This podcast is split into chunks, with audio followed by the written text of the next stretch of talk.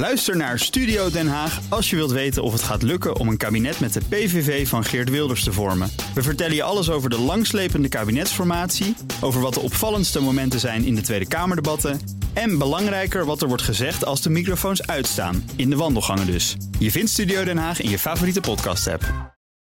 De column van Jaap Jansen. Dinsdagavond. De persconferentie waarin minister-president Mark Rutte de nieuwe gedeeltelijke lockdown aankondigt.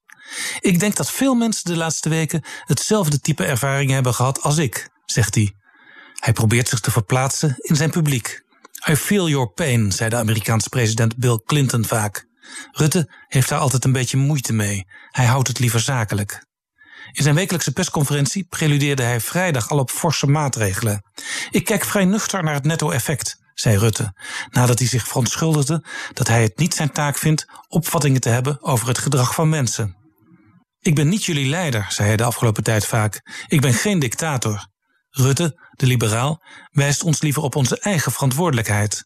Hij straalt irritatie uit. En als een journalist van het AD dat opmerkt, is hij daar geïrriteerd over. Ik probeer urgentie uit te stralen, zegt Rutte. Irritatie vreet energie. Daar hou ik helemaal niet van, energievreters. Ik ben oprecht ook niet geïrriteerd. Even later hekelt hij de televisietalkshows. Stop debating our measures. Rutte houdt van overzicht en controle en van efficiënt vergaderen, schrijft NRC-redacteur Petra de Koning in haar nieuwe boek over Mark Rutte, deze week tien jaar premier. Door het virus is de control freak de controle kwijt. De publieke waardering voor Rutte is op een hoogtepunt. Tweederde van de Nederlanders vindt dat hij het de afgelopen tien jaar goed heeft gedaan. Begin dit jaar was dat nog maar 42 procent, noteerde INO Research deze week. 70% waardeert zijn betrouwbaarheid als minister-president. Mooie cijfers voor Rutte op weg naar 17 maart. Concurrenten als Hugo de Jonge, Lodewijk Asscher en Sigrid Kaag schommelen rond de 40%. Als historicus moet Mark Rutte het prachtig vinden over een kleine twee jaar de langstzittende minister-president ooit te zijn. Maar als lezer van politieke biografieën weet hij dat de magie zomaar, plotseling, uitgewerkt kan zijn. De rekenmeesters van de regering houden hun hart vast. Het economische scenario wordt steeds zwarter en de diepe zakken van Wopke Hoekstra raken een keer uitgeput. De brede waardering voor Rutte's aanpak kan zo omslaan.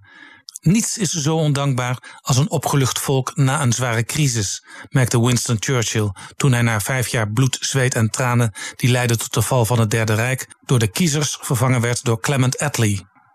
De VVD is de enige partij die nog geen lijsttrekker heeft aangewezen. Maar vertrekken op het hoogtepunt is, nu het virus weer oplaait, niet aan de orde.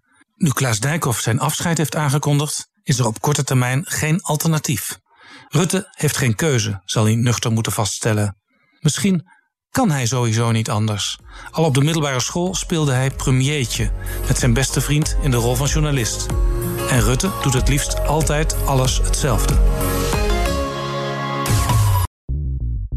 Bij BNR ben je altijd als eerste op de hoogte van het laatste nieuws. Luister dagelijks live via internet. Bas van Werven. En heel langzaam komt de zon op rond dit tijdstip. Je krijgt inzicht in de dag die komt op BNR, het Binnenhof in Nederland en de rest van de wereld. De Ochtendspits. Voor de beste start van je werkdag. Blijf scherp en mis niets.